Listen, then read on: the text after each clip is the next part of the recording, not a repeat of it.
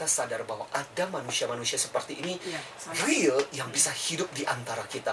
Nah, ini yang sebenarnya menakutkan. Iya. Sampai ada beberapa lembaga kerohanian itu melarang nonton film ini. Dianggap bahwa film ini menyesatkan, tapi menurut saya Merusak. salah. Justru yang harus dibatasi adalah usianya. Film ini ditonton betul dengan sebuah kewaspadaan yang luar biasa bahwa orang seperti ini, anak-anak seperti ini bisa muncul kalau tidak terurus dengan baik. Bisa jadi kayak gini nggak sih Pak? Misalnya orang baik itu bisa jahat karena misalnya itu tangga saya sendiri gitu ya. Dia biasa baik hati antar jemput seperti misalnya ojek online. Perjanjian satu bulan akan dibayar sekian. Lama-lama kok nggak sesuai. Terus mundur tanggalnya. Dia baik kan dari baik. Kenapa dia jadi jahat? Karena Ya, itu. dizolimi. Nah, dizolimi. Tapi pertanyaannya adalah apakah pilihan kita harus seperti itu? Karena salah satu fakta untuk memahami film ini adalah pemainnya si Joaquin Phoenix ini dia mencoba belajar menonton orang-orang sakit jiwa yang ketawa. Ini mengingatkan saya dulu waktu ketika di Fakultas Psikologi itu kan ada masa studi kasus. Kita kan praktek di rumah sakit jiwa. Ini ada bergelimpangan orang-orang seperti itu. Nah, salah satu ada yang namanya PBA, Psychobulbar Affect. Salah satu kelainan psikologis di mana orang bisa ketawa nggak jelas. Tapi pada yang saat yang bersama orang bisa bisa nangis. Perilakunya nggak terprediksi. Makanya di pengadilan ketika orang dinyatakan gila, kan susah untuk dihukum.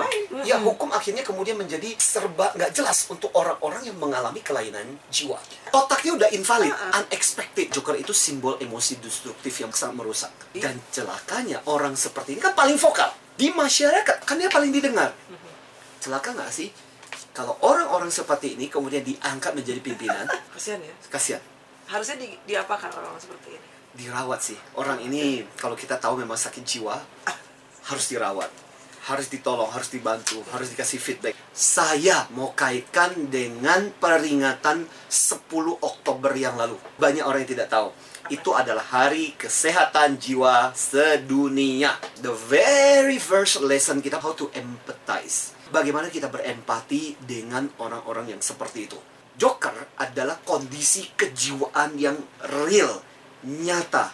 Sesuatu yang bisa terjadi bahkan di dalam ilmu kesehatan jiwa, ilmu psikiatri. Kita punya diagnosa yang namanya PBA, Psychobulbar Affect. Salah satu jenis kelainan di mana orang bisa ketawa atau menangis tanpa tahu tentang apa yang terjadi. Nah, biasanya kelainan di otak mereka itu perlu ditolong, perlu dibantu. Maka kita harus berempati. Bisa nggak ya Pak? Bisa. Itu sebabnya ketika udah masuk ke dalam tahapan sakit jiwa, schizophrenia, hal pertama-tama perlu bantuan obat. Nah ini menarik. Dalam kisah Joker, akhirnya kemudian funding dari pemerintah itu kan di-cut. Cost-nya di-cut. Akhirnya kemudian orang-orang sakit jiwa itu tak tertolong dengan obat. Maka sebenarnya pada saat ketika kondisi sakit jiwa, untuk para keluarga, please jangan malu, kemudian disembunyikan.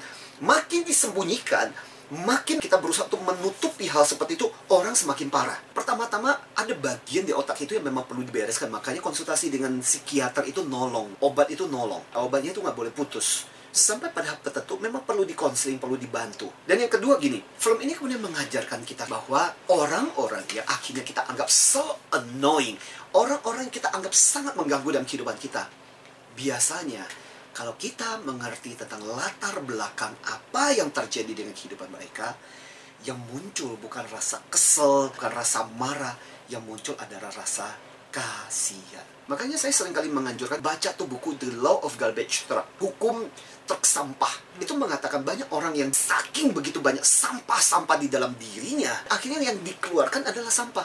Aku tuh banyak menangani orang-orang seperti itu. Yang in the community, di dalam grup, dia so annoying. Kenapa? Yaitu karena ada begitu banyak problem dalam kehidupan orang ini saking banyaknya sampah. Jadi mereka mengeluarkan di mana-mana. Iya dong, logis dong. Kalau kamu kondisi hidup normal, wajar, kamu tidak perlu mengeluarkan sampah di mana-mana. Iya, betul.